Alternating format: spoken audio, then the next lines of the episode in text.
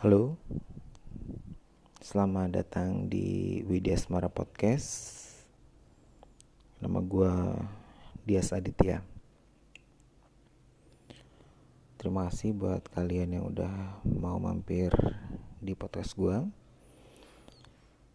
Di podcast gue kali ini gue bakal ngomongin terkait sebuah peristiwa yang memilukan sebuah kejadian uh,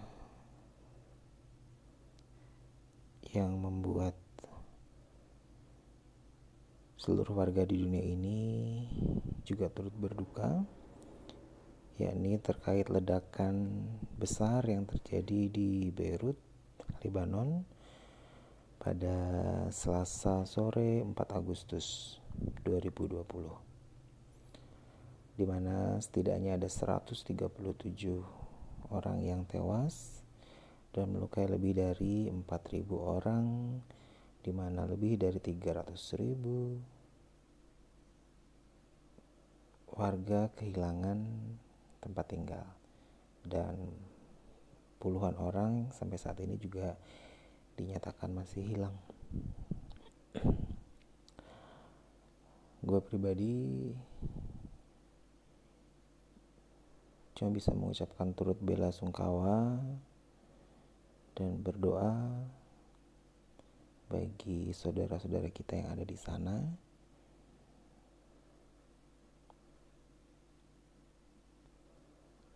Gue sedih men, gak tahu. Kadang bingung aja kalau udah kita dapat kabar soal hal yang seperti ini dan kita berusaha bantu dengan apa pun yang semampunya yang bisa kita lakukan. Meskipun mungkin kita hanya bisa bantu berdoa semoga mereka bisa segera pulih. Uh, terkait hal ini mungkin kali ini gue akan bahas beberapa hal terkait kejadian ini mungkin beberapa uh, updatean tentang kejadian ini karena sampai saat ini juga uh, investigasi juga tetap dilakukan terhadap kejadian ini. Dan yang membuat gue memutuskan untuk membuat podcast ini adalah karena sejak hari Rabu sampai Jumat dunia.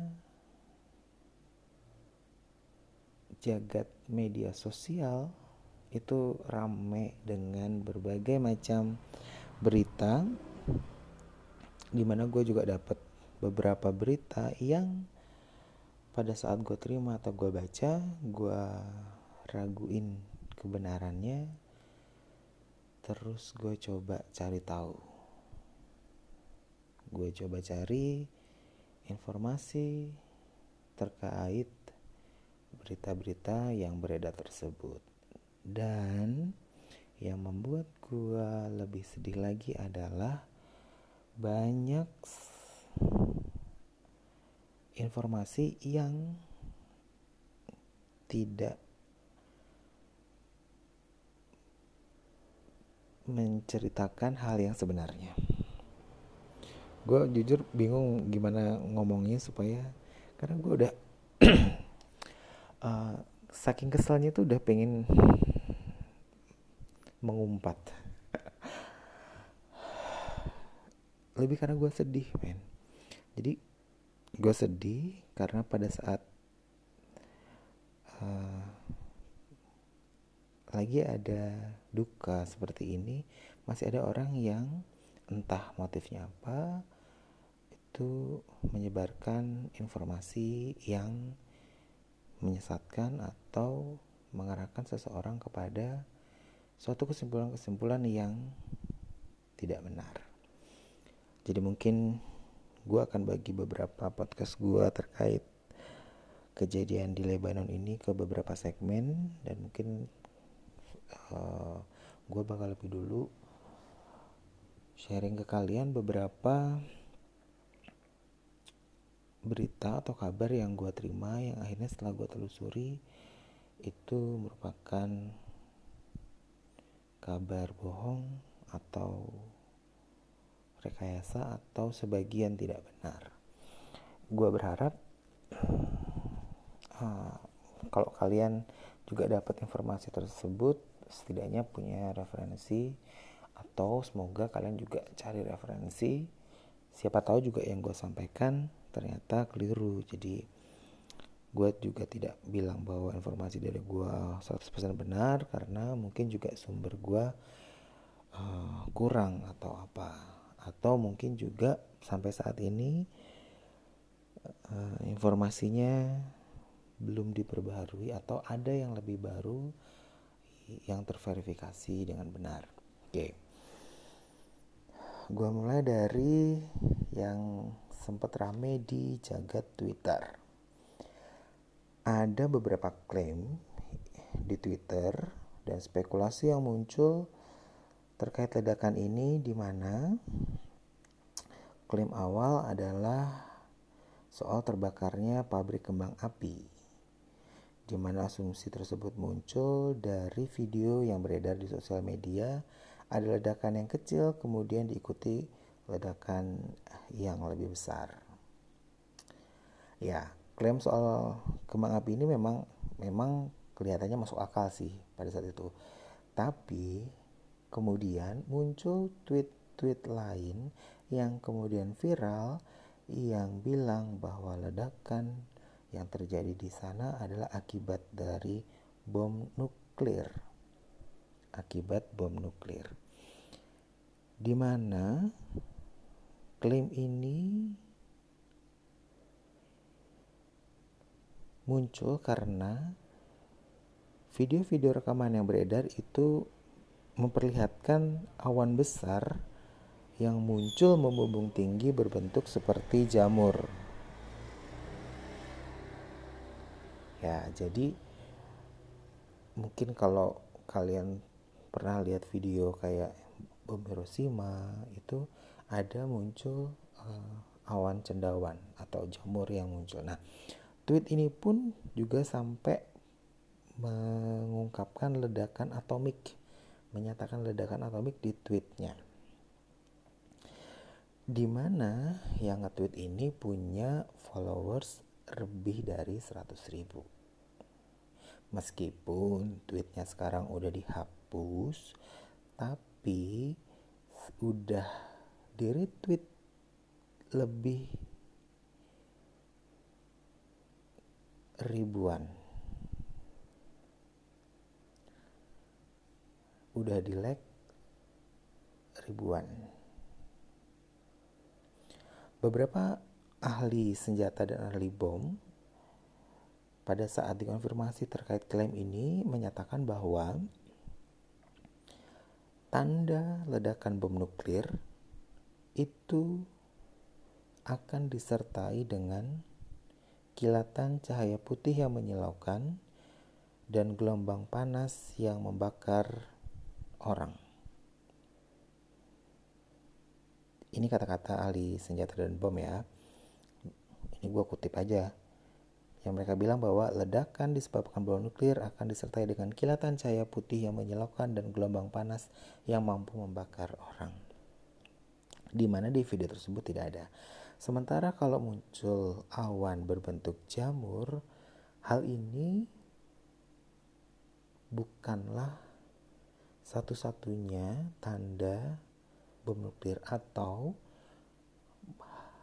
awan jamur tidak hanya diciptakan oleh ledakan bom nuklir karena munculnya awan jamur itu akibat dari kompresi udara lembab yang mengembunkan air dan menimbulkan awan.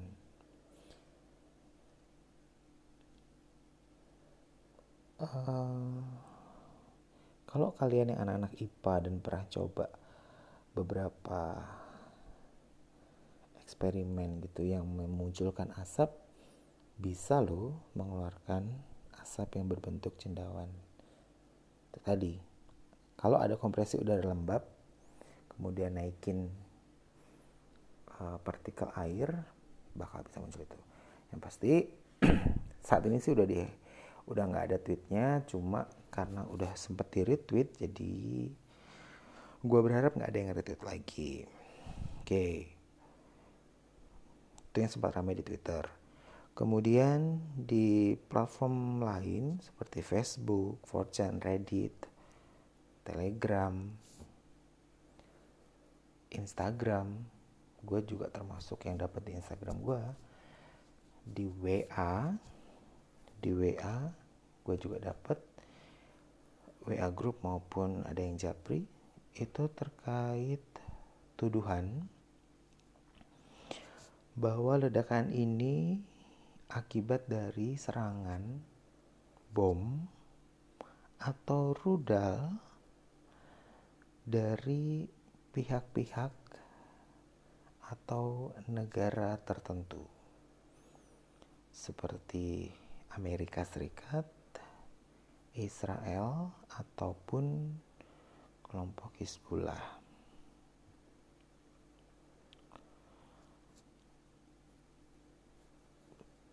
Dari mungkin dari kalian sudah mengetahui bahwa di Lebanon memang ada beberapa konflik yang terjadi. Tapi kali ini gue nggak bahas itu. Kalau kalian memang mau tahu terkait hal itu kalian bisa uh, kirim email ke gue kalau memang pengen gue bahas terkait politik mungkin atau sosiokultural atau konflik yang terjadi di negara-negara Oke, okay, anyway, balik lagi ke uh, berita yang nyampe ke beberapa platform media sosial terkait serangan bom atau rudal yang menyebabkan ledakan itu dari beberapa negara.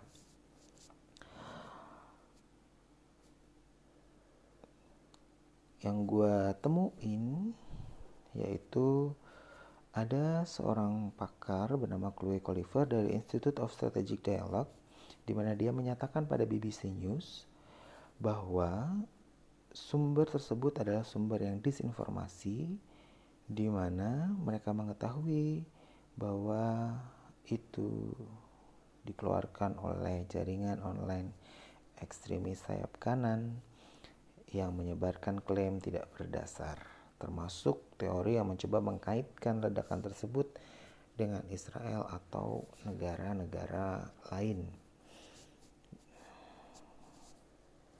uh, pihak Israel maupun pemerintah yang berwenang di Lebanon saat ini juga udah menebis tuduhan tersebut sih bahwa ada hubungan terkait serangan dengan negara-negara lain.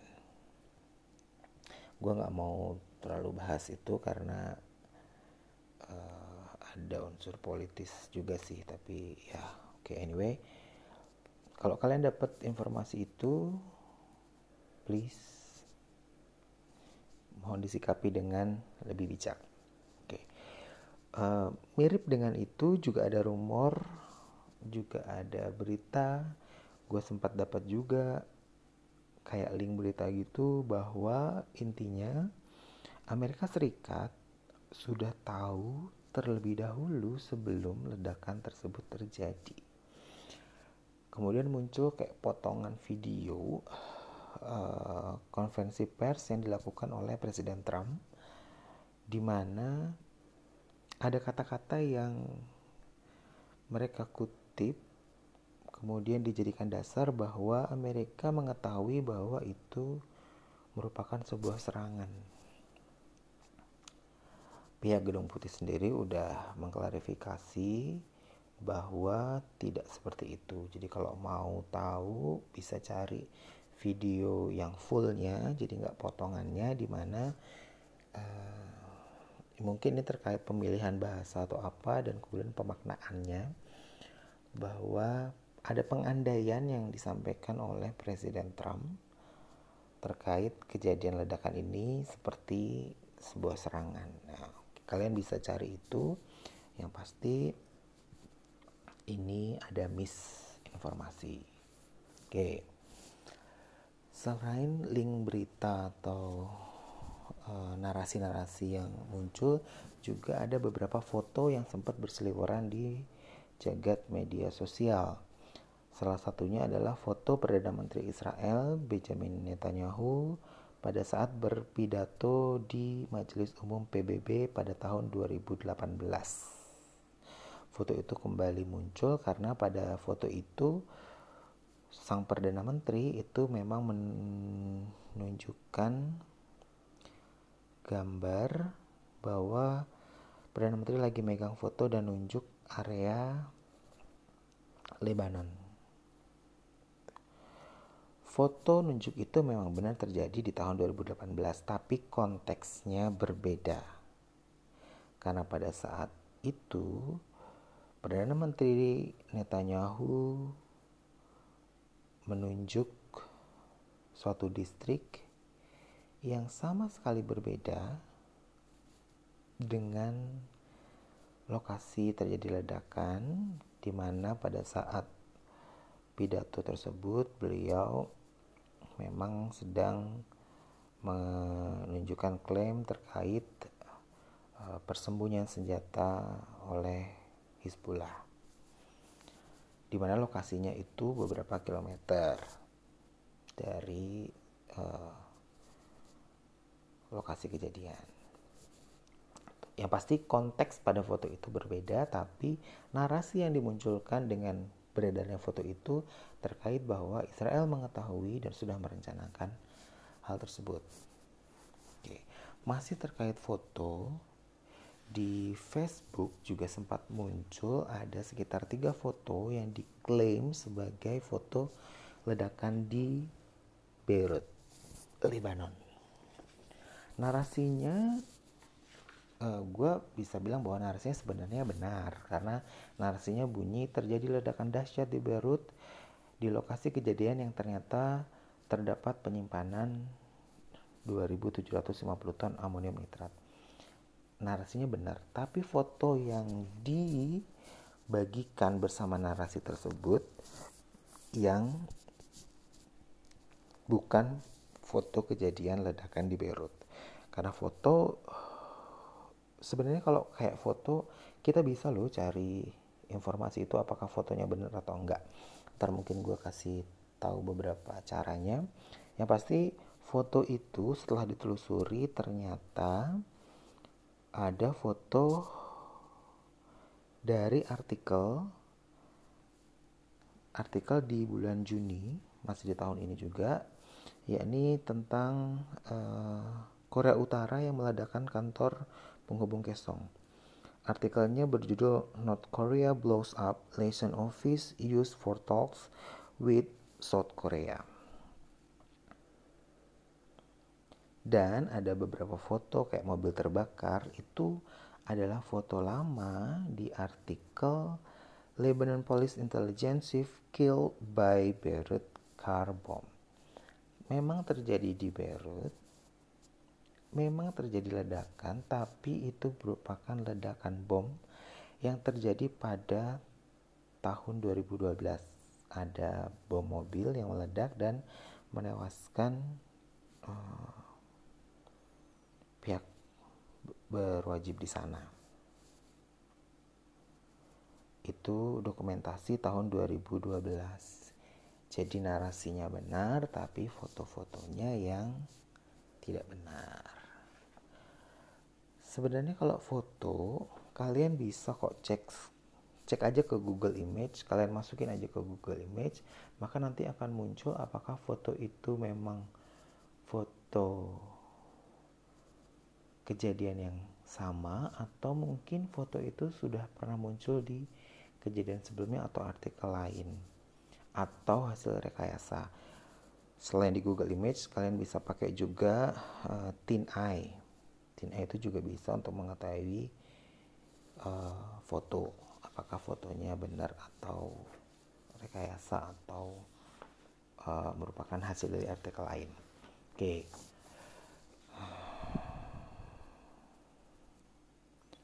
Kemudian ada juga soal video. Muncul juga beberapa video, video yang beredar yang ini gue dapat sih video yang ini gue sempat ada yang nge-share di WA group itu yakni video yang menunjukkan adanya objek mirip rudal di lokasi pada saat terjadi ledakan. Oke. Sempat rame tuh di salah satu WhatsApp group yang ada guanya juga itu sempat rame sempat dibahas itu gue nggak komen sih karena gue gue pengen cari tahu dulu informasinya bener atau enggak dan ternyata uh, waktu gue cari tahu di lamannya CNN itu ada konfirmasi bahwa video tersebut aslinya itu direkam oleh CNN tim dari CNN di Beirut pada waktu tersebut. Jadi memang ada video yang menunjukkan kepulan asap pekat di pelabuhan Beirut yang memang benar kejadian di hari Selasa kemarin itu. Tapi video yang beredar itu sudah merupakan video yang dimodifikasi. Ada penambahan objek yang mirip rudal di video tersebut. Pro, uh, produser sinema sosial CNN Arabic, Mason Yang tinggal di Beirut, itu adalah orang yang merekam video tersebut saat dia berjalan di dekat pelabuhan di mana uh, proses merekam lingkungan sekitar itu memang sudah rutin dia dan timnya lakukan. Video aslinya sempat dia unggah di laman Facebook pribadinya. Tapi kemudian muncul video baru yang ngambil dari videonya Mifti tersebut. Banyak orang yang akhirnya ngubungin Mifti. Kemudian Mifti menghubungi kantornya dong, bilang bahwa video versi aslinya itu tidak seperti yang beredar di jagat media sosial. Dia juga ber, memberikan kesaksian pada saat kejadian itu tidak melihat rudal, tidak mendengar suara jet tempur atau drone. Tim dari CNN Arabic di Abu Dhabi yang merupakan uh, pihak awal yang menemuin video itu juga langsung sadar bahwa ini udah ada rekayasa video rekayasanya itu sayangnya ini yang gue sedihin udah beredar di hampir semua media sosial Facebook, Instagram, Twitter, WhatsApp, Telegram, YouTube, dan TikTok. Beberapa video yang di Facebook itu sekarang memang udah ada label warningnya ada tulisan ada label informasi yaitu konten informasi palsu. Namun sebelum ada label informasi palsu itu video modifikasi tersebut sudah dibagikan lebih dari 1500 kali dan udah ditonton lebih dari 8.400 kali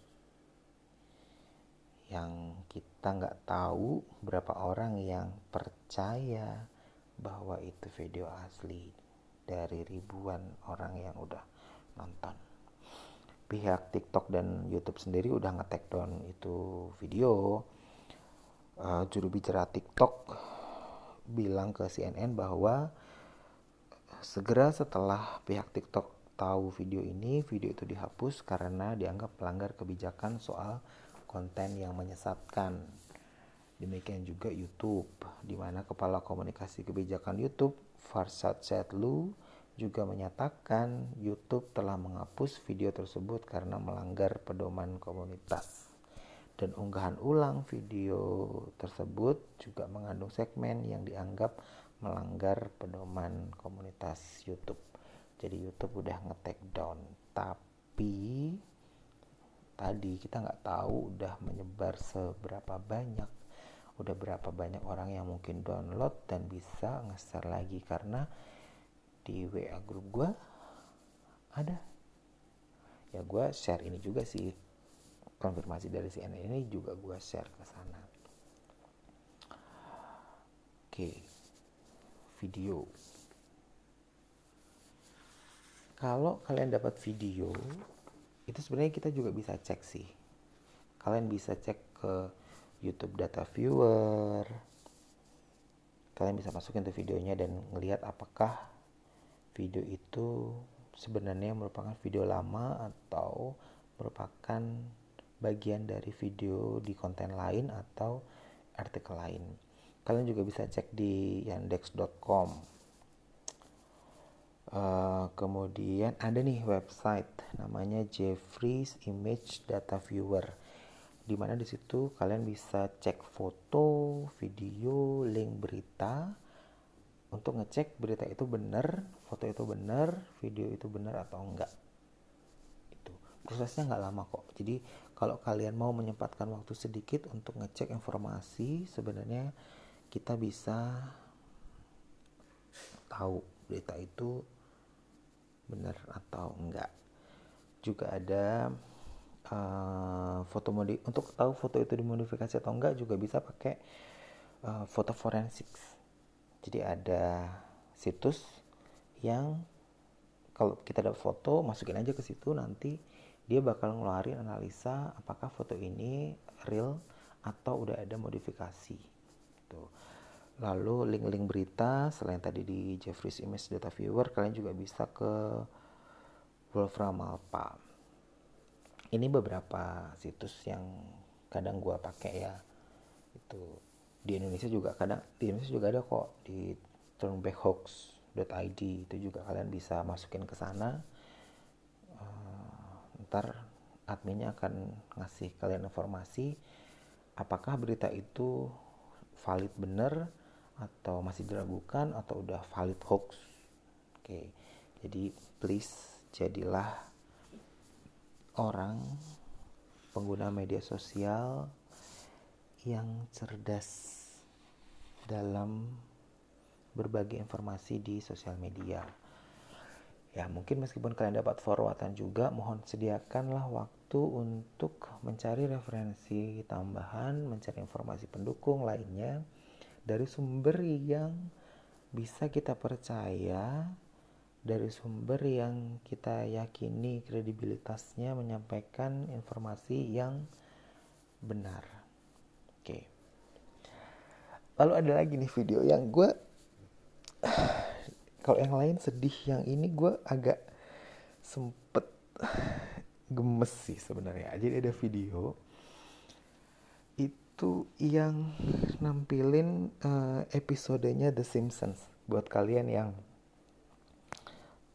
tahu soal kartun serial kartun The Simpsons dan mungkin tahu beberapa teori konspirasi bahwa kartun-kartun The Simpsons itu bisa meramalkan beberapa kejadian kayak misalnya Donald Trump terpilih jadi presiden nah, itu terkait peristiwa ini ada video yang muncul muncul berseliweran di dunia media sosial itu bahwa ada salah satu episode The Simpsons yang dikaitkan dengan ledakan di Beirut, Lebanon. Di Twitter ada cuitan bahwa ledakan ini udah pernah diprediksi oleh The Simpsons muncullah video ini juga di mana ada video yang ngeliatin si Mr. Homer Simpson si bapak Simpson ini membeli bom ke penjual bersorban yang tanpa sengaja kemudian bom tersebut terbakar saat si Homer Simpson ingin bakar di atas kompor sehingga terjadi sebuah ledakan yang hebat beberapa teman gue sempet yang juga yang aktif di Twitter terus info ke ke gue ke WhatsApp grup yang kita juga kadang diskusi soal hal-hal macam ginian yang dia juga penonton The Simpsons tuh kayak wait wait wait wait wait wait kayaknya nggak gini deh gitu. Lalu dia berusaha cari tahu dong dan kita juga berusaha cari tahu dan ternyata sudah dipastikan bahwa uh, rekaman episode The Simpsons yang beredar sempat beredar viral di Twitter itu editan. Jadi please sekali lagi kalau kalian dapat apa pun itu link berita video mohon teman-teman semua yang menggunakan sosial media bijak-bijaklah menggunakan sosial media apalagi saat membagikan sesuatu berita yang apalagi kalau terkait dengan hal-hal yang mungkin sedang sensitif seperti kejadian seperti ini. Apa pun maksud dari orang yang mungkin membuat berita tersebut please jadilah pengguna sosial media yang bijak oke okay? bela sungkawa kita bagi saudara-saudara kita yang ada di sana doa terbaik bagi mereka semua kita mendukung pemulihan yang terjadi di sana apalagi kita tahu kondisi sekarang mungkin ekonomi sulit ditambah dengan kejadian ini ya kita berdoa semoga kita semua warga dunia ini juga bersama-sama bahu membahu supaya kita tetap survive. Oke? Okay? sekali lagi bijak-bijaklah menggunakan media sosial. Mungkin sekian dulu di podcast gua kali ini. Di podcast gua lainnya gua akan mungkin masih bahas soal kejadian ledakan ini so thank you yang udah dengerin sekali lagi mari kita bahu membahu berdoa bersama Tetap jaga kesehatan kalian semua. Ingat selalu berbuat baik. Oke. Okay. Thank you, sampai ketemu lagi. Terima kasih banyak. Tetaplah rendah hati dan selalu berusaha menjadi sahabat bagi siapa pun. Karena seorang sahabat menaruh kasih setiap waktu dan menjadi seorang saudara dalam kesukaran. Nama gue Dias Aditya Terima kasih.